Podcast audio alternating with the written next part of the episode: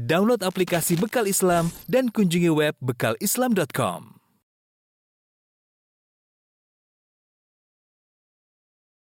Bismillahirrahmanirrahim. Assalamualaikum warahmatullahi wabarakatuh. Alhamdulillahi ala ihsani wa syukru lahu ala taufiqihi wa amtinani wa asyhadu an la ilaha illallah wahdahu la syarika lahu ta'ziman li sya'nih wa asyhadu anna Muhammadan abduhu wa rasuluhu da'ila ridwanih. Allahumma salli alaihi wa ala alihi wa ashabihi wa ikhwani. Para pemirsa yang dirahmati oleh Allah Subhanahu wa taala, pada kesempatan yang bahagia ini kita melanjutkan bahasan kita dari tafsir surat Toha masih tentang kisah Nabi Musa alaihi salam. Uh, ya kita lanjutkan pada ayat ke-42. Allah Subhanahu wa taala berfirman, "Idhhab anta wa akhuka bi ayati wa la taniya fi dzikri." Pergilah engkau wahai Musa beserta saudaramu yaitu Harun dengan membawa ayat-ayatku wala taniya fi dzikri dan janganlah kamu berdua lalai dalam mengingatku. Idhaba ila fir'auna innahu tagha. Pergilah kamu berdua kepada Fir'aun, sungguhnya dia telah melampaui batas. Fakula lahu qawlan layyinan la'allahu yatadhakkaru aw yakhsha. Dan berbicaralah kalian berdua Musa dan Harun kepada Fir'aun qawlan layyinan dengan kata-kata yang lembut. La'allahu yatadhakkaru aw yakhsha ya agar dia ingat ya dan agar dia takut. Qala rabbana innana nakhafu ay yafruta alaina aw ay yatgha. Mereka berdua berkata Musa dan Harun, "Ya Rabb kami, sungguhnya kami takut bahwasanya uh, Firaun akan menyiksa kami au ayatgha atau bertambah melampaui batas." Qala la takhafa innani ma'akuma asma'u wa ara. Allah berkata, "Janganlah kalian berdua takut, Sungguhnya aku bersama kalian berdua, aku mendengar dan aku melihat. Fa'tiyahu fakula, datangailah kalian berdua kepada Fir'aun, fakula, dan ucapkanlah, Inna rasula rabbika, sungguhnya kami berdua adalah utusan Rabbmu, fa'arsil ma'ana bani Israel wa la tu'adzibhum. Maka lepaskanlah Bani Israel bersama kami, dan jangan kau siksa Bani Israel. Qad ji'naka bi ayati min rabbik. Sungguh kami telah datang kepada engkau wahai Firaun dengan ayat dengan uh, tanda-tanda kebesaran dengan bukti min rabbik dari Rabbmu wassalamu ala man ittaba'al huda dan keselamatan dilimpahkan kepada orang yang mengikuti petunjuk. Inna qad uhiya ilaina annal adzaba ala man kadzdzaba wa tawalla. Sungguhnya kami telah diwahyukan kepada kami bahwasanya azab akan diberikan kepada orang yang berdosa dan berpaling. Taib, ini uh, Allah Subhanahu wa taala berfirman kepada Nabi Musa dan Harun sebagaimana telah kita sebutkan pembahasan sebelumnya ya Allah kasihkan kepada Nabi Musa dua mukjizat. Mukjizat pertama adalah mukjizat uh, tongkat, yang kedua adalah mukjizat uh, tangan yang dikeluarkan maka keluar cahaya. Maka Allah berkata, "Idhab anta wa akhuka." Pergilah engkau wahai Musa dan saudaramu Harun. Bi ayati dengan uh, mukjizat-mukjizat yang aku berikan kepada kepada kalian dengan bukti-buktiku. Di sini Allah pisahkan idhab anta wa akhuka. Pergilah engkau dan saudaramu yaitu Harun. Jadi perintah ini berlaku kepada keduanya. Perintah untuk datang ke Firaun bukan hanya berlaku kepada Musa dengan perkataan bahwasanya Harun hanya sekedar dompleng, tidak. Dua-duanya diperintahkan. Musa diperintahkan ke Fir'aun dan Harun. Makanya Allah pisahkan. Idhab anta, pergilah engkau wahai Musa dan saudaramu juga Harun. Bi ayati, dengan tanda-tanda bukti-bukti ya dari kami. Wala taniya fi dzikri dan janganlah kalian berdua malas untuk mengingatku. Baik, di sini kata Allah Subhanahu wa taala, Idhab anta wa akhuka bi ayati bi ayati. Ini ayati sini adalah jamak ayat. Ayat al ayat jamaknya al ayat. Di sini Allah mengatakan ayati jamak ya.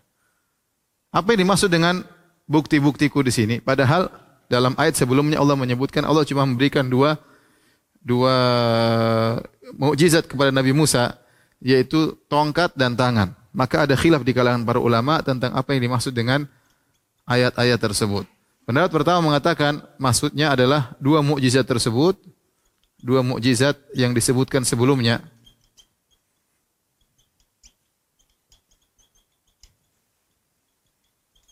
Yaitu apa? Yaitu tongkat dan ke tangan yang putih, tangan yang putih. Adapun pendapat kedua ya mengatakan dimaksud dengan ayat-ayat adalah ayat-ayat yang sembilan, sembilan mukjizat. Yang telah Allah sebutkan dalam surat yang lain kata Allah Subhanahu wa taala walaqad ataina Musa tis'a ayatin. Ya tis'a ayatin Wallah alam bisawab ini khilaf yang uh, tanawu ya Masalahnya Allah menyebutkan dengan jama. Sementara kenapa kalau yang dimaksud yang Allah sebutkan sebelumnya cuma dua mukjizat. Namun dijelaskan oleh sebagian ulama, dua mukjizat ini sebenarnya ya tongkat dan tangan yang putih ini ini mewakili banyak mukjizat. Meskipun dia dihitung dua namun pada hakikatnya dia banyak. Tongkat ini juga mukjizatnya banyak. Pertama ya berubah jadi ular. Jadi ular. Kemudian berikutnya setelah berubah jadi ular kemudian kembali jadi tongkat. Kemudian setelah berubah menjadi tongkat nanti atau ularnya ularnya bergerak-gerak dengan kencang ya, ular yang bergerak dengan kencang, yang bergerak yang besar ya. Dan makan ular-ular yang lain ya. Jadi tongkat ini kemudian lagi ular tersebut di bawah pengaturan Musa, dikuasai Musa oleh Musa alaihissalam. Sehingga kata para ulama meskipun dia tongkat tapi di balik tongkat ini banyak mukjizat. Belum lagi nanti di kemudian hari tatkala tongkat tersebut dipukulkan keluar air tongkat tersebut kemudian dipukulkan ke lautan lautan terbelah tongkat terpukulkan lautan lautan kembali tertutup jadi meskipun tongkat tongkat ini mewakili banyak mukjizat demikian juga tangan yang putih tangan yang putih ini juga uh, mewakili beberapa mukjizat yaitu tangan yang putih kemudian bercahaya ya putih kemudian bercahaya, ya, kemudian kembali lagi normal, ya. normal kembali. Ya. Oleh karenanya, meskipun yang disebutkan sebelumnya cuma dua dua mukjizat, Allah tidak mengatakan dengan lafal musanna, tapi Allah datangkan dengan lafal jamak. Ya, bi ayati maksudnya dua mukjizat tersebut mewakili banyak mukjizat. Ya, pendapat kedua juga oke, okay, bahwasanya ayat di sini masih sembilan mukjizat yang disebutkan dalam surat-surat yang lain. Tetapi wallah alam yang zahir adalah yang ini. Karena mukjizat yang lain belum terjadi ya, belum Allah bicarakan akan jadi mukjizat-mukjizat yang lain yang sembilan mukjizat. Jadi ayat di sini adalah mukjizat-mukjizatku yang meskipun disebut dua namun dua tersebut mewakili banyak mukjizat. Kata Allah Subhanahu wa taala, "Wala taniya fi dzikri" dan janganlah kalian berdua malas dalam mengingatku, berzikir kepadaku. Ini Allah ingatkan bahwasanya dai bisa saja lalai dari mengingat Allah Subhanahu wa taala, terutama kondisi terkadang uh, genting atau seperti pergi ke Firaun yang menakutkan, maka Allah ingatkan, justru dalam kondisi genting jangan kau sekali-sekali kalian berdua malas untuk mengingatku. Ini dalil bahwasanya seorang banyak mengingat Allah, Allah akan berikan kemudahan. Seorang banyak mengingat Allah, Allah akan berikan kemudahan. Dia ingat bertasbih, bertahlil, karena Allah tahu bahwasanya hambanya sedang mengingatnya, ya. Fadhkuruni adzkurkum kata Allah zikirlah kepadaku aku akan ingat kalian. Oleh karenanya ini dalil bahwasanya kalau orang dalam menjalankan segala kegiatannya terutama yang berkaitan dengan keagamaan, berdakwah dan yang lainnya jangan lupa senantiasa berzikir dalam jalannya dia berzikir atau dia baca Al-Qur'an atau dia bertasbih atau dia bertahlil ya karena ini sangat membantu dia dalam menyelesaikan tugasnya. Maka Allah ingatkan kepada Musa dan uh, Harun ya. Padahal Musa sebelumnya sudah berkata, "Kai nusabbihaka katsira wa nadhkuruka katsira, innaka kunta bina basira." Dia sudah mengatakan, "Ya Allah, ya, jadikanlah Harun bersamaku, kai nusabbihaka katsir, agar kami banyak berzikir kepada engkau, agar kami banyak bertasbih kepada engkau." Tapi tetap Allah harus ingatkan. Namanya manusia tempatnya lalai. Meskipun Musa sudah berikrar untuk banyak mengingat Allah, untuk banyak bertasbih kepada Allah, tapi Allah ingatkan. Karena di saat-saat genting bertemu dengan Fir'aun, ya, ya, yang, yang kejam, maka saat-saatnya untuk mengingat Allah Subhanahu wa taala. Di situlah pertolongan. Maka Allah ingatkan secara khusus wala taniya fi dzikri. Jangan uh, malas untuk mengingatku. Ini dalil bahwasanya namanya dai terkadang muncul kemalasan, muncul kelalaian itu perkara yang yang wajar. Kemudian kata Allah Subhanahu wa taala uh, Idhaba ila fir'auna innahu tagha. Setelah itu Allah berfirman dengan lafal tasniyah, idhaba, pergilah kalian berdua. Awalnya tadi Allah mengatakan idhab anta wa akhuka, pergilah engkau dan saudaramu. Allah bagi dua. Engkau wahai Musa berangkat ke Firaun, wahai Harun berangkatlah ke Firaun. Setelah itu Allah datangkan dengan sekalian berdua, idhaba, hendaknya kalian berdua pergi kepada Firaun. Maksudnya apa? Meskipun saya tugas kalian tugaskan kalian satu persatu, tapi kalian hendaknya bareng-bareng jangan sampai berpisah. Jalan terus. Musa dan Harus hendaknya bareng-bareng menuju kepada Fir'aun. Innahu toga, sungguhnya Fir'aun telah melampaui batas. Dan tidak ada manusia melampaui batas seperti Fir'aun. Ya, dia menggabungkan segala keburukan. Mengaku sebagai Tuhan, kemudian menyiksa Bani Israel, ya. Ya, di antara bentuk siksaan disebut oleh para ulama, dia mengambil tali kemudian diletakkan kepada eh, manusia yang dia siksa tali di sebelah tangan kanan, tali sebelah tangan kiri, tali sebelah kaki kanan, tali sebelah kaki kiri, kemudian ditarik ya dengan siksaan tersebut. Fir'aun dzil autad sebagaimana kita sebutkan dalam tafsir uh, uh, surat Al-Fajr. Yang didatangi oleh mereka berdua bukan sembarang orang, orang top dalam kerusakan. Top dalam kejahatan. Top dalam kesombongan. Namun apa kata Allah Subhanahu wa taala? Kepada mereka berdua, faqula lahu qawlan layyina la'allahu yatadhakkaru aw yakhsha. Ucapkanlah kepada Firaun qawlan layyina dengan perkataan yang lembut, perkataan yang lembut.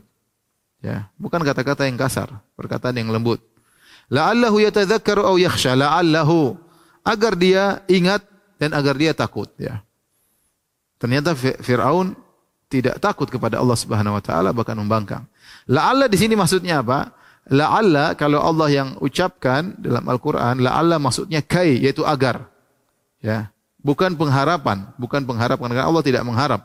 Ya, la'alla kalau kita dalam bahasa Arab apa litaraji dalam rangka untuk pengharapan, tapi ini karena dari Allah, maka maksudnya la'alla adalah agar. Dan itu banyak dalam Al-Qur'an. Seperti firman Allah Subhanahu wa taala, Ya ayuhan nas ubudu rabbakum alladhi khalaqakum walladzina min qablikum la'allakum tattaqun. Wahai orang-orang yang beriman, wahai manusia sekalian, sembahlah uh, Rabb kalian yang telah menciptakan kalian dan menciptakan orang-orang sebelum kalian la'allakum tattaqun yaitu agar kalian bertakwa. Ya. Allah tidak mengharap ya, tidak ada harapan tapi agar mereka bertakwa demi kebaikan mereka sendiri. Jadi la'alla maknanya kai sebagaimana disebutkan oleh Eh, Ibnu Jarir At-Tabari dalam tafsirnya.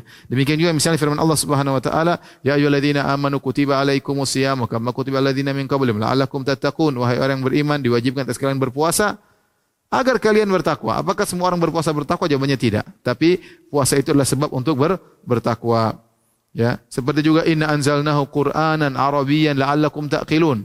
Kami turunkan Al-Quran dalam bahasa Arab agar kalian bisa berfikir. Apakah semua orang berfikir dengan baca Al-Quran? Jawabannya tidak. Jadi la'alla kalau Allah sebutkan maksudnya adalah uh, agar, kai.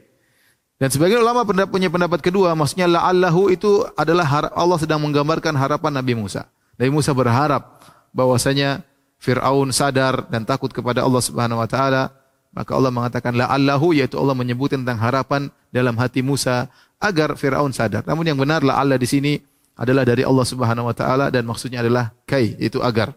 Dan ternyata ya ternyata Firaun tidak uh, ingat dan tidak takut. Taib. Kata Allah, "Faqula lahu qawlan layyina." Ucapkanlah kepadanya perkataan yang lembut, ya.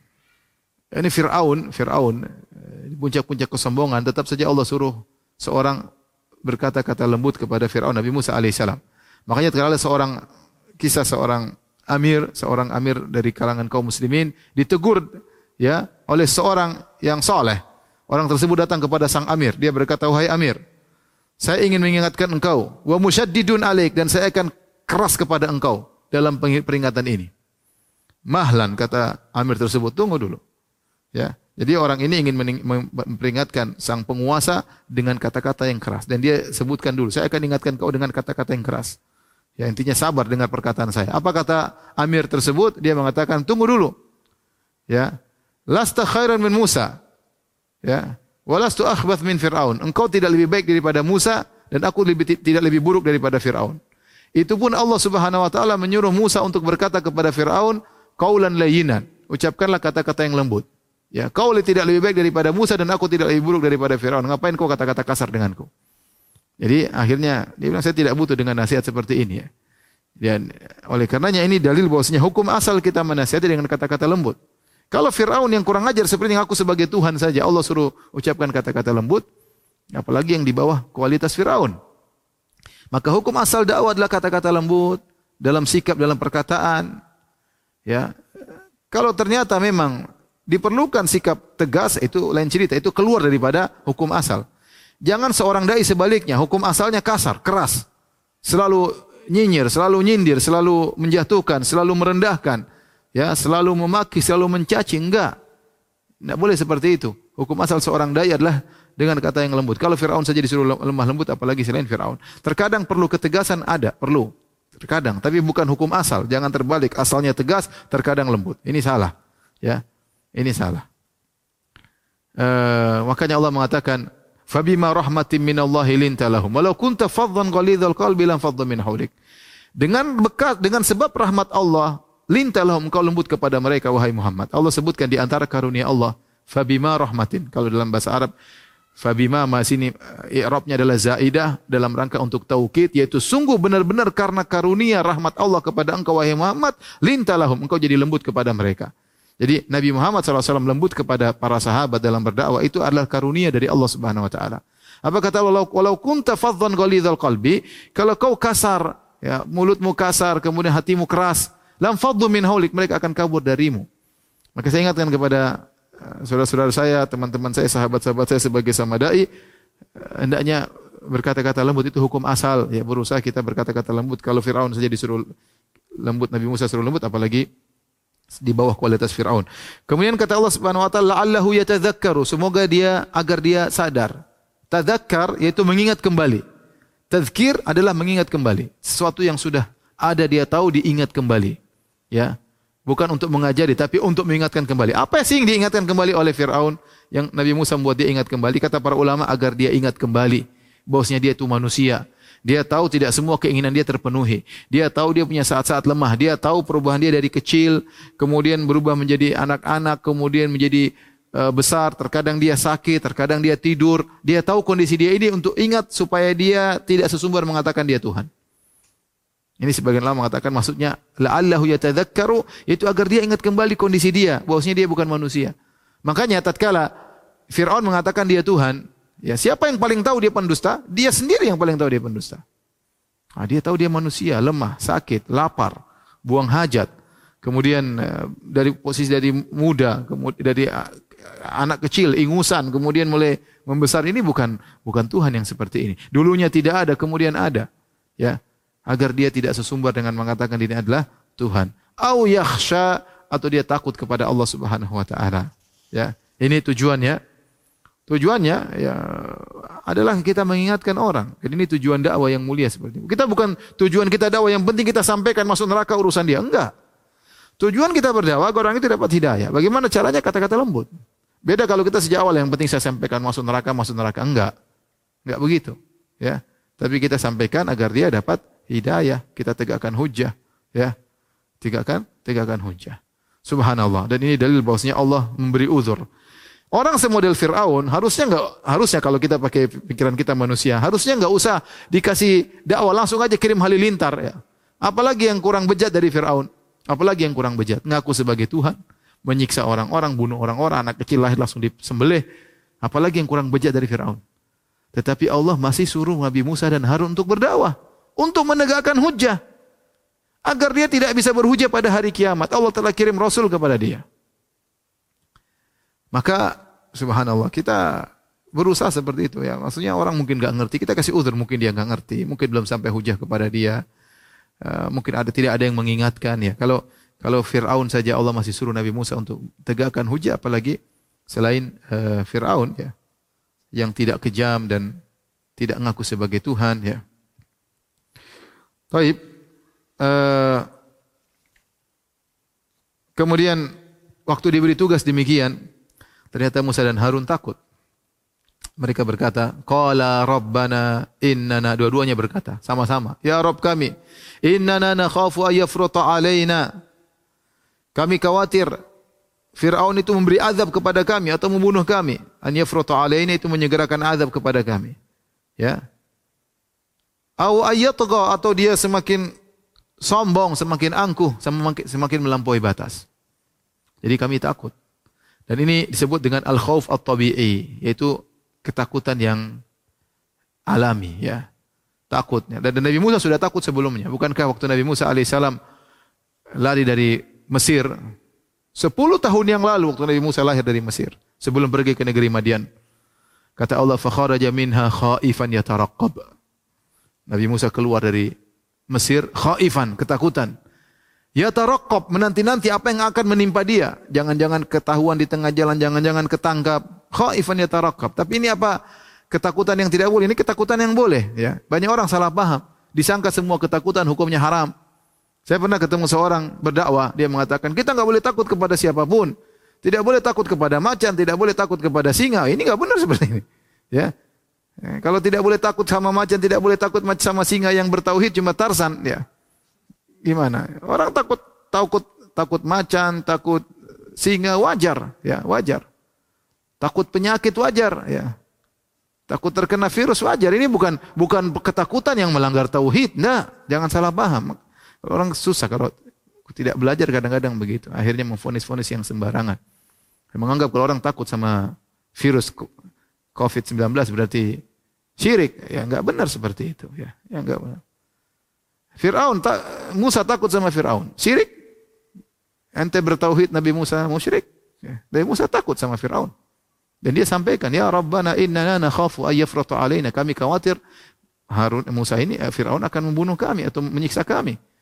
Nabi Musa waktu kabur dari Mesir ketakutan, apakah tercela? Enggak, ketakutan yang wajar.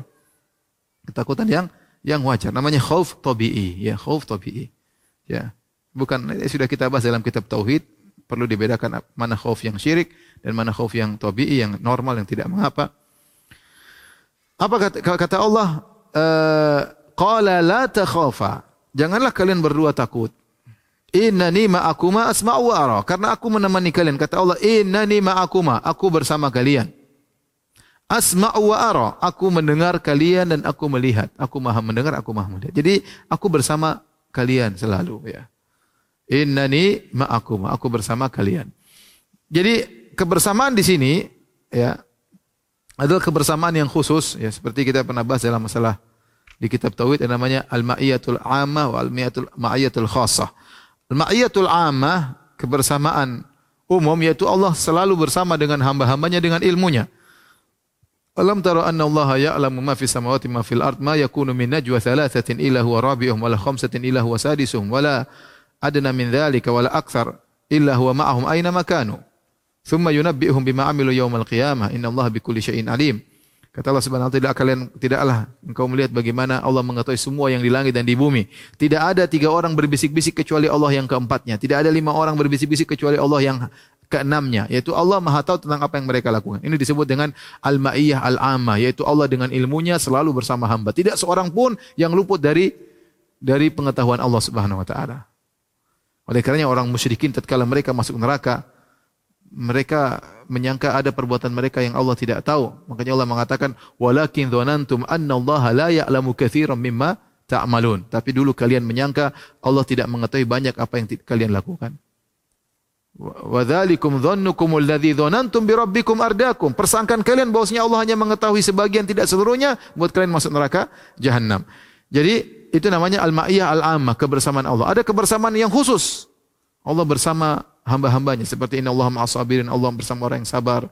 Inna Allah ma'alladzina taqaw, Allah bersama orang yang bertakwa. Walladzina hum muhsinun, bersama orang yang berbuat baik. Ya, Allah bersama Musa dan Harun. Ini kebersamaan yang berkonsekuensikan pertolongan dari Allah Subhanahu wa taala. Makanya Allah mengatakan, "Wahai Musa dan Harun jangan takut. Innani ma'akum. Aku bersama kalian berdua dengan kebersamaan khusus."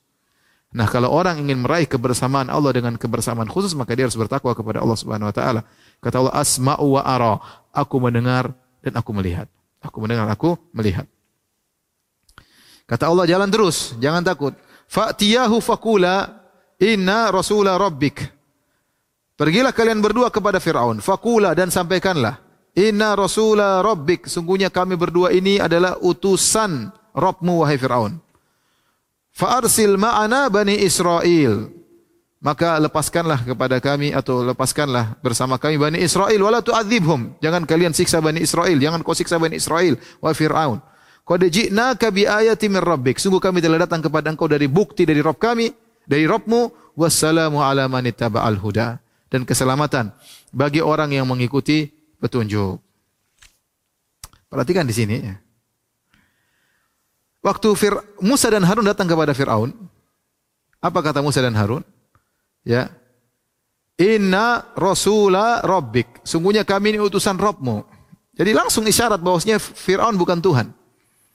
Langsung Musa dan Musa dan mengatakan sungguhnya kami utusan Rabbmu. Ya, bukan utusan Rabb kami, tapi utusan Rabbmu. Untuk mengingat kepada Fir'aun bahwasanya engkau bukan Tuhan. Tuhanlah Tuhanmu, Tuhan kami. Dan tinggalkanlah, lepaskanlah Bani Israel, jangan kau siksa mereka. Ya, jangan kau siksa mereka. Qad ji'naka bi ayati min rabbik. Sungguhnya kami telah datang kepada engkau dengan bukti. Ya, kita bawa bukti wahai Fir'aun. Dari Tuhan, Tuhanmu, kembali lagi dari Tuhanmu. Wassalamu ala man ittaba'al huda dan keselamatan bagi orang yang mengikuti petunjuk. Keselamatan bagi orang yang mengikuti petunjuk. Ya. ya. Dan ini perkataan yang sangat halus dari siapa? Dari Musa dan dan Harun. Ya. Dia tidak mengatakan, dia kalau kau ingin dapat petunjuk, dapat keselamatan, ikut petunjuk. Wassalam, keselamatan. Kau ingin dapat keselamatan dari Firaun, wassalamu ala man huda. Keselamatan bagi orang yang mengikuti petunjuk. Kemudian Musa dan Harun berkata, "Inna qad uhiya ilaina annal adzaba ala man kadzdzaba wa tawalla. Sungguh telah diwahyukan kepada kami bahwasanya azab itu menimpa orang yang berdusta dan berpaling. Inilah kata para ulama, kata-kata lembutnya Musa, dia tidak mengatakan engkau bukan Tuhan. Dia tidak mengatakan demikian, tidak secara langsung. Musa juga tidak mengatakan engkau akan diazab. Engkau tidak selamat. Tidak ada kata-kata demikian. Tetapi Musa alaihissalam berkata dengan kata-kata yang halus. Dia mengatakan, Inna Rasulullah Rabbik. Sungguhnya kami adalah utusan Rabbmu. Ya. Apa permintaan kami? Fa'arsil ma'ana Bani Israel. Bani Israel adalah suku kami. Lepaskanlah mereka. Ya. Lepaskanlah mereka. Wala tu'adzibhum. Jangan kau siksa mereka. Ya. Kau dajina bi ayatin. Kalau kau ingin bukti, kita punya bukti dari Tuhan bahwasanya kami adalah utusan Rabbmu. Bi ayatin min Rabbik. Utusan di Rabbmu. Ya, wassalamu ala man ittaba'al huda. Keselamatan bagi orang yang ikut petunjuk. Isyarat kalau ingin selamat maka ikut petunjuk. Kemudian isyarat kau akan diadab kalau kau tidak ikut petunjuk. Tapi cara Nabi Musa mengungkapkan tidak mengatakan kau akan diadab. Tidak. Tapi inna qad uhiya ilaina. Telah diwahyukan kepada kami. Annal adzab sungguhnya adab ala man kadzdzaba wa tawalla. Bagi orang yang berdusta dan berpaling. Seakan-akan Nabi Musa hanya menyampaikan pilihan. Terserah. Tapi dia tidak memfonis kau kafir, kau di neraka, kau anu enggak. Ya, padahal jelas Firaun mungkin neraka paling bawah. Ya, tetapi demikianlah kata-kata lembut yang dipraktikkan oleh Musa kepada Firaun. Taib. Setelah itu apa yang dikatakan oleh Musa? Kita oleh eh, Harun. Harun berkata, eh, apa Firaun berkata, "Qala faman rabbukuma ya Musa?" Waktu didakwahi oleh Musa dan Harun, apa kata Fir'aun? Qala famar rabbukuma ya Musa. Siapakah Tuhan kalian berdua hai Musa? Fir'aun tidak mengaku Tuhannya. Dia tidak mengatakan siapa Tuhanku enggak. Tapi dia mengatakan siapa Tuhan kalian berdua? Qala rabbuna alladhi a'ta kulla syai'in khalqahu thumma hada. Maka Nabi Musa menjawab, Rabb kami adalah yang memberikan segala sesuatu penciptaannya kemudian dia beri petunjuk. Qala fama barul qurunil ula? Musa eh, Harun eh, Firaun berkata lagi, kalau begitu bagaimana kondisi umat-umat terdahulu? Qala ilmuha inda rabbi fi kitab. Maka kata Musa, ilmu tentang orang-orang terdahulu di sisi Rabbku, fi kitabin yang tercatat di catatannya di Lauhil Mahfuz. La yadhillu rabbi wa la yansa. Tuhan Tuhanku tidak akan lalai dan tidak akan lupa. Alladzi ja'ala lakumul mahdan. Yang telah menjadikan bagi kalian bumi sebagai hamparan siap untuk dihuni. Wasalakalakum fiha subulan. Dan menjadikan bumi banyak jalan-jalan yang bisa ditempuh. Wa anzala minas sama'i dan dialah yang telah menurunkan dari langit hujan fa akhrajna bihi azwajan maka kami keluarkan dengan hujan tersebut azwajan min nabatin syatta pasangan-pasangan berjenis-jenis tumbuh-tumbuhan yang bermacam-macam. Kulu war'au an'amakum. Makanlah dan gembalakanlah binatang-binatangmu dengan tumbuhan-tumbuhan tersebut. Inna fi dzalika laayatil liulin nuha. Sungguh yang demikian itu ada tanda-tanda kekuasaan Allah bagi orang-orang berakal. Minha khalaqnakum wa fiha nu'idukum. Dari bumi tersebutlah kami akan kami telah menciptakan kalian. Wa fiha nu'idukum. Dan kepada bumi kalian kami akan mengembalikan kalian itu dengan dikubur. Wa minha nukhrijukum taratan ukhra. Dan di waktu yang lain kami mengeluarkan kalian dari bumi tersebut. Yaitu pada hari kebangkitan. Taib. Sekarang kita gambarkan kondisinya. Musa dan Harun datang, mulailah mereka berdakwah, wahai uh, Firaun, lepaskanlah Bani Israel, kami utusan dari Rabbmu, ya. Dan kami datangkan bukti kalau kau ingin bukti kami adalah utusan Tuhan. Qad ji'naka bi ayatin min rabbik, kami telah datang bukti dari Rabb kami. Wassalamu ala man ittaba'al huda dan keselamatan bagi orang yang mengikuti petunjuk. Inna qad uhya ilaina sungguh diwahyukan kepada kami anal adzaba ala man kadzdzaba wa tawalla. Sungguhnya azab itu diberikan kepada orang yang mendustakan dan berpaling. Apa jawaban Nabi Musa? Na, uh, jawaban Firaun. Maka Firaun berkata, Qala faman rabbukuma ya Musa? Dia tidak mau mengakui Tuhan dia dengan dia mengatakan dengan sombongnya, siapa sih Tuhan kalian berdua wahai Musa? Ini dalil bahwasanya yang ngomong Nabi Musa alaihissalam. Dan dalam surat yang lain surat Syu'ara Nabi Musa yang berbicara sama sama Firaun. Dan kita sebutkan subhanallah Nabi Musa waktu diutus oleh oleh uh, oleh Allah untuk pergi ke Firaun, dia bilang ya Allah, saya tidak bisa ngomong. Wa akhi Harun huwa afsahu minni lisanan. Farsilhu ma'iya rid'an yusaddiquni. Utuslah Harun bersamaku, dia lebih pintar ngomong. Jadi Nabi Musa berharap nanti Harun yang ngomong ya di depan Firaun karena Firaun pandai ngomong. Ya, kemudian dia berdoa, Rabbi shrah li sadri wa yassir amri wa hlul 'uqdatam min lisani, hilangkan kekakuan dari mulutku yafqahu qawli agar mereka paham apa perkataanku. Allah kabulkan. Setelah begitu sampai Musa ketemu Musa dan Harun ketemu Firaun yang ngomong ternyata siapa? Ternyata Musa. Ternyata Musa yang ngomong. Tadinya dia nggak pede maunya Harun yang bicara. Kadang-kadang orang begitu, kayaknya nggak pede, nggak pede. Begitu ketemu dia yang ngomong. Kenapa Allah sudah kabulkan permohonan Nabi Musa? Ya, akhirnya Musa yang ngomong sama Firaun, maka Firaun ngobrol sama Musa. Qala famar rabbukuma ya Musa? Siapa sih Tuhan kalian berdua hai Musa? Subhanallah dia tidak ngaku bahwasanya Tuhannya Musa Tuhan dia. Firaun enggak mau ngaku. Apa jawaban Nabi Musa dengan kata yang lembut? Taib qala rabbuna. Nabi Musa tidak mengatakan Rabbmu, tapi Nabi Musa berkata Rabbuna. Rob kami, yaitu saya dan Harun, Rob kami. Alladhi a'ta syai'in. Yang telah memberikan segala sesuatu khalqahu, penciptaannya. Summa hada. Kemudian beli, beli petunjuk kepada masing-masing makhluk tersebut. Apa maksudnya ayat ini? Maksudnya kata para ulama, Rob kami yang telah menciptakan makhluk dan mengkhususkan bentuk-bentuk mereka ya satu dengan yang berbeda. Kita lihat jenis makhluk di alam semesta ini banyak. Manusia dengan berbagai macam modelnya, hewan dengan berbagai macam modelnya, tumbuh-tumbuhan dengan berbagai macam modelnya. Masing-masing tidak bercampur, masing-masing punya bentuk khusus. Turun-temurun ya itu aja bentuk-bentuknya. Tidak tercampur satu dengan yang lain. Kemudian masing-masing bentuk tersebut sesuai dengan kebutuhannya. Perempuan bentuknya seperti ini, laki-laki bentuknya seperti ini. Subhanallah Allah menciptakan segala sesuatu dan Allah berikan masing-masing bentuk sesuai yang cocok dengan makhluk-makhluk tersebut. Lalat seperti ini, nyamuk seperti ini. Semuanya Allah ciptakan sesuai dengan bentuk yang Allah kehendaki dan pas dengan apa yang eh, cocok buat mereka. Monyet seperti ini, beruang seperti ini, subhanallah. Tidak bercampur baur, tidak salah-salah. Tidak beruang kemudian mengalami perubahan-perubahan tadi tadinya ber, ber, beruang begini kemudian di kemudian hari beruang berubah menjadi muka manusia badan beruang enggak ya. Kemudian Thumma hada, kemudian beri petunjuk. Apa maksudnya? Yaitu Allah beri petunjuk kepada makhluk-makhluk tersebut semua yang mereka butuhkan. Apa yang mereka butuh makan Allah beri ilham atau beri apa firasat bagi makhluk-makhluk tersebut tentang apa yang mereka butuhkan agar mereka memenuhi kebutuhan mereka. Apa yang harus mereka makan, apa yang harus mereka lakukan. Allah kasih ilmu kepada mereka. Sebenarnya mengatakan summa hada maksudnya itu diberi petunjuk agar mereka bisa kawin di antara hewan-hewan tersebut, antara manusia dan manusia, antara hewan dengan hewan. Subhanallah ini menunjukkan adanya Tuhan.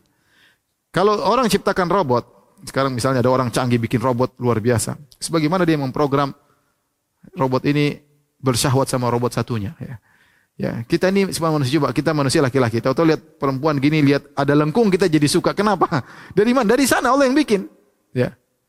Lihat melengkung, lengkukan tubuh perempuan kita tertarik. Kenapa? Ya, mikir gimana? Ya, dari sananya. Itulah summa hada. Sapi jantan lihat sapi betina, dia naksir. Sapi lihat perempuan meskipun cantik artis, sapi nggak tertarik. meskipun artis tersebut sudah bermodel, sudah cantik, tapi sapi lihat jelek. Dia cari yang sapi juga. Kenapa? Kenapa dia tertarik sama sapi bukan kepada manusia? Padahal ini artis cantik luar biasa, pakai parfum segala. Sapi nggak suka. Sapi suka ada sapi betina yang gemuk, yang bau-bau, itu dia yang suka. Kenapa? Karena ada yang menciptakan. Summa ada yang memberi petunjuk kepada yang dia butuhkan. Meskipun meskipun Nabi Musa mengatakan, "Qala rabbuna alladhi Tuhan kami," ya saya Tuhan, tapi isyarat bahwasanya kamu juga Tuhan kami juga Tuhan kamu wahai Firaun. Isyarat tapi tidak langsung karena Allah suruh Musa berkata-kata lembut ya. Buktinya apa? Nabi Musa berkata, "A'ta kulla syai'in." Allah telah memberikan segala sesuatu, segala sesuatu termasuk engkau. Yang kau butuhkan memberi uh, bagaimana memberikan ilmu kepada engkau hai Firaun. Tatkala dijawab demikian dan ini dan ini bantahan sebenarnya tidak tidak tidak secara langsung ya, artinya seakan-akan apa? Seakan-akan Musa berkata, Tuhan namanya Tuhan itu menciptakan. Engkau Firaun ngaku Tuhan ciptakan apa? Enggak pernah ciptakan apa-apa.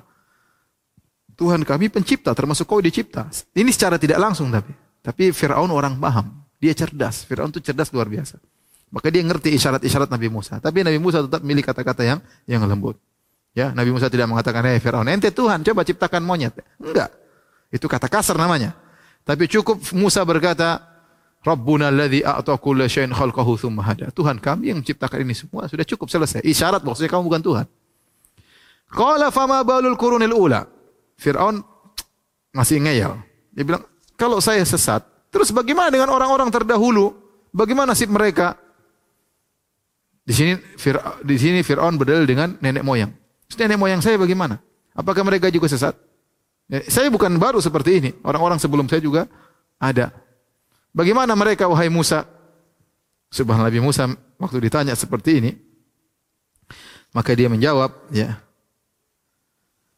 Qala ilmuha inda rabbi fi kitab. Ilmunya di sisi Allah. Nabi Musa mengatakan Allah alam. Masa tentang orang-orang terdahulu Apakah mereka Allah azab atau tidak? Allah alam kata Nabi Nabi Musa. Yang tahu Allah Subhanahu wa taala. Apakah Allah mengadab mereka di dunia kalau mereka kafir atau Allah tidak mengadab mereka Allah akan azab di akhirat? Ya, urusan Allah. Nabi Musa mengatakan Allah alam. Nabi Musa tidak sok tahu. Dan ini penting bagi kita para dai kalau ditanya jangan sok tahu ya. Nabi Musa mengatakan Allah alam. Wallahu alam. Ya. Ditanya tentang umat umat terdahulu Allah alam dan ini juga bantahan kepada orang Yahudi waktu mereka ingin ingin apa namanya uh, ingin menguji Nabi apakah Nabi seorang Nabi Muhammad SAW seorang Nabi? Ditanya tentang masalah tentang Ashabul Kahfi tentang uh, Zulkarnain ya. Jawabannya tidak tidak tidak bukan syarat Nabi harus tahu ilmu gaib tentang masa lalu. Buktinya waktu Fir'aun tanya kepada Nabi Musa qala fama balul qurunul ula terus orang-orang terdahulu bagaimana? Nenek moyang saya bagaimana? Apakah juga mereka disiksa? Hah? Mereka seperti saya mereka juga disiksa Nabi Musa menjawab, Allah alam ilmuha inda Rabbi. Ya. Fi kitab sudah tercatat. Kemudian kata Nabi Musa, la yadhillu Rabbi wa la yansa. Dan Rabbku tidak akan lalai dan tidak akan salah dan tidak akan lupa. Ini juga isyarat kau bukan Tuhan. Kau tidak tahu masa lalu. Ya. Semua Nabi Musa kasih isyarat-isyarat bahwasanya Fir'aun bukan bukan Tuhan. Ya. Apakah Allah ingin mengadab mereka apakah mereka sebagian mereka dulu beriman ataukah mereka orang-orang terdahulu semuanya kafir? Terus apakah mereka semuanya kafir kemudian disiksa di dunia ataukah disiksa di akhirat? Yang tahu hanyalah Allah kata Nabi Musa. Setelah itu Nabi Musa melanjutkan menjelaskan tentang Allah Subhanahu wa taala. Alladzi yang menunjukkan bedanya antara Tuhan yang benar dengan Tuhan yang enggak benar seperti Firaun. Alladzi ja'ala lakumul arda mahdan. Dialah Tuhanku yang telah menjadikan bumi hamparan. Hamparan. Ya, kita lihat bumi ya datar ya. Bumi bulat secara secara bulat tetapi kalau pandangan mata kita datar bisa kita tempati, bisa kita bangun bukan berduri-duri begini tidak bisa enggak dihamparkan oleh Allah Subhanahu wa taala. Bisa buat bercocok tanam ya. Kita lihat sejauh mata memandang bumi uh, hamparan ya. Alladzi ja'ala lakumul arda mahdan. Mahdan maksudnya sebenarnya mengatakan seperti uh, bayi diletakkan fil mahdi, diletakkan di al-mahd. Al-mahd itu tempat tidurnya bayi. Kalau kita mau mau taruh bayi apa kita siapkan tempat tidurnya, sepatkan bantalnya, rapi-rapikan, tinggal tidur enak. Demikian Allah ciptakan bumi juga demikian. Bumi siapkan, tinggal kita goyang-goyang sedikit, tinggal olah sedikit, sudah keluar berbagai macam keberkahan bumi. Ya, bukan Allah suruh ada gunung suruh cangkul dulu baru bikin sawah. Enggak. Sudah ada sawahnya, tinggal tanam, tinggal cangkul-cangkul sedikit jadi sawah. Jadi Allah sudah siapkan seperti menyiapkan tempat tidur buat seorang anak bayi. Alladzi ja'ala lakumul arda mahdan wa salaka lakum fiha subulan. Allah jadikan banyak jalan-jalan di atas muka bumi. Orang bisa berjalan ke sana, kemari. Kemudian nikmat yang lain wa anzala minas sama'i ma'an. Allah turunkan hujan. Seakan-akan Musa berkata, "Ente Firaun bisa apa? Hanya bisa bunuh orang." Tapi Musa tidak langsung karena Allah sudah suruh Nabi Musa ucapkan kata-kata yang lembut. Ini semua isyarat. Ente bukan Tuhan. Tuhanku ini loh yang bikin bumi, yang bikin jalan, yang turunkan hujan. Fa akhrajna bihi azwajan min nabatin syatta. Maka kami turunkan dari uh, dengan hujan tersebut kami keluarkan dengan hujan tersebut azwajan min nabatin syatta. Tumbuh-tumbuhan yang begitu banyak yang uh, berbagai macam modelnya. Kulu war'au an'amakum. Maka hendaknya kalian menggembalakan, makanlah dari tumbuhan-tumbuhan tersebut dan gembalakanlah ternak-ternak kalian.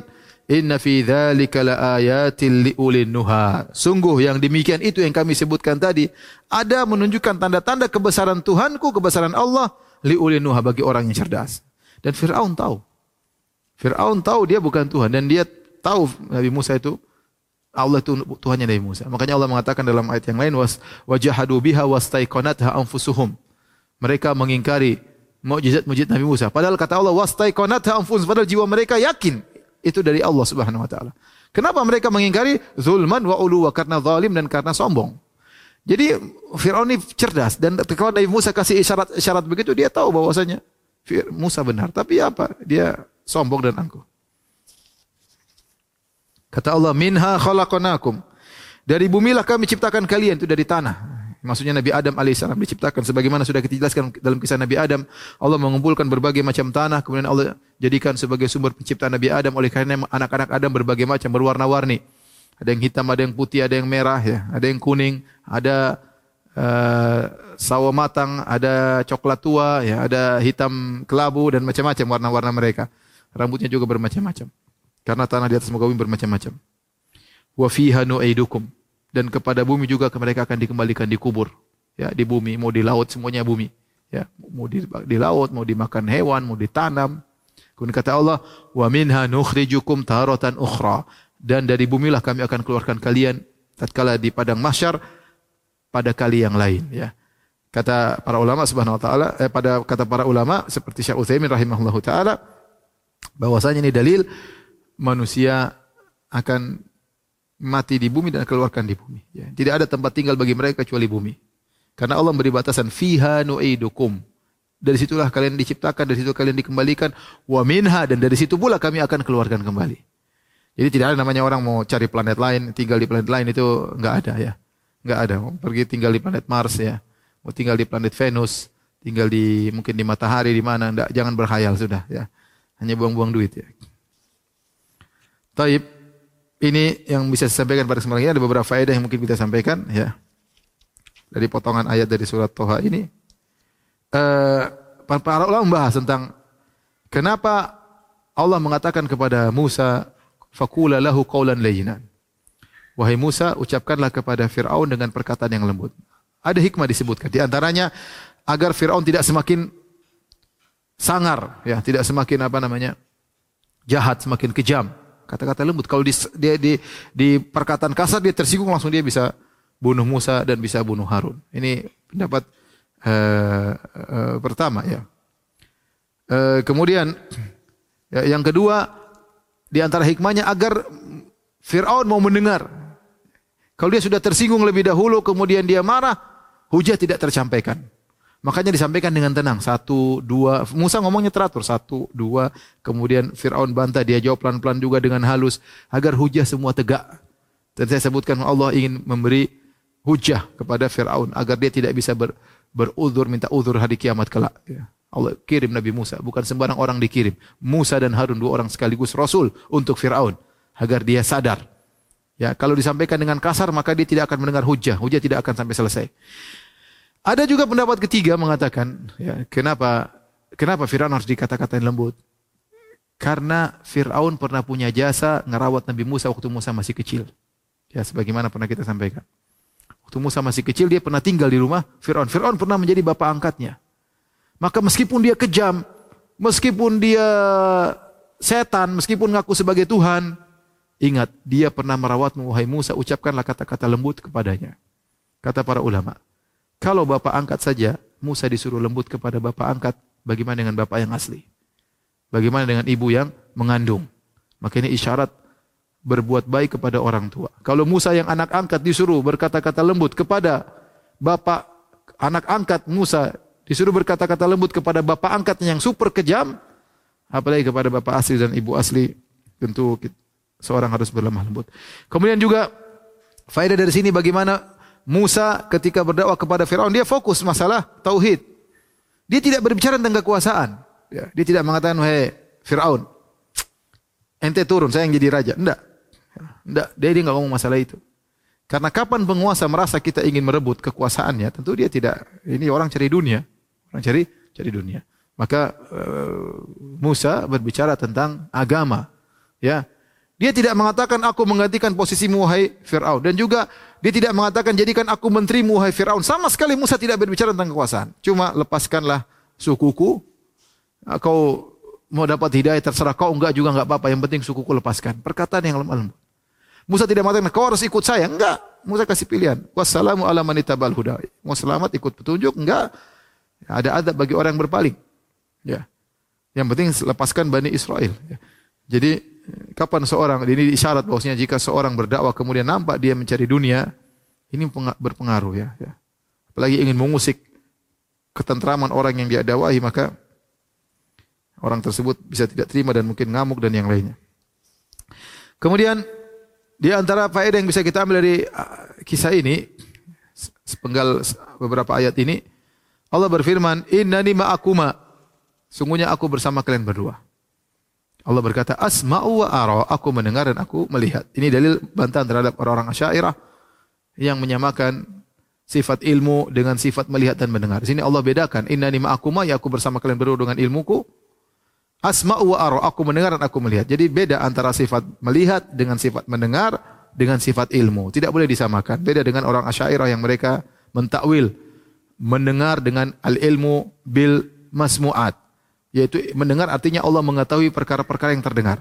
Adapun melihat maksudnya al-ilmu bil mubsarat. Ilmu tentang perkara-perkara yang dilihat, tapi bukan melihat dan bukan mendengar. Dan ini salah dan ini menyelisih akidah Ahlussunnah wal Jamaah. Kita tidak perlu mentakwil, kita bilang Allah melihat, Allah mendengar, bagaimananya Allah melihat mendengar urusan Allah Subhanahu wa taala. Kita tidak tahu. Uh, kemudian di antara faedah tentang ayat ini Assalamu ala man ittaba'al huda itu hanya diucapkan kepada orang kafir dan muslim. Seperti Nabi SAW waktu ngirim surat kepada Heraklius. Kata Rasulullah SAW dari Muhammad ya. Kepada Herakl, Herakl Azim Rum ya. Salamun ala man ittaba'al huda. Keselamatan bagi orang yang mengikuti petunjuk. Nah, tidak boleh kau ucapkan gini kepada sesama orang muslim. Karena orang muslim sudah dapat petunjuk. Sebagian orang assalamu ala man ittaba'al huda. Enggak, ini kita ucapkan kalau sama orang kafir ya. Karena keselamatan bagi ada syaratnya bagi yang mengikuti petunjuk. Adapun orang muslim mereka sudah mengikuti petunjuk, sudah bersyahada maka mereka tidak perlu diucapkan salamu ala man Langsung aja assalamualaikum. Langsung saja assalamualaikum. Kemudian firman Allah ya wa annal uh, ya annal adzaba ala man kadzdzaba wa tawalla. Annal adzaba sungguhnya azab itu bagi orang yang mendustakan dan berpaling. Sebagian ulama dari Ibn Abbas mengatakan hadhihi arja ayatin lil muwahhidin.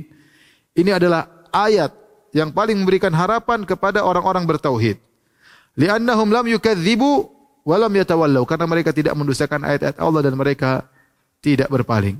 Ya mungkin mereka bermaksiat tapi mereka tidak mendustakan ayat Allah dan mereka tidak berpaling maka mereka tidak terkena azab. Ya, mereka tidak terkena azab.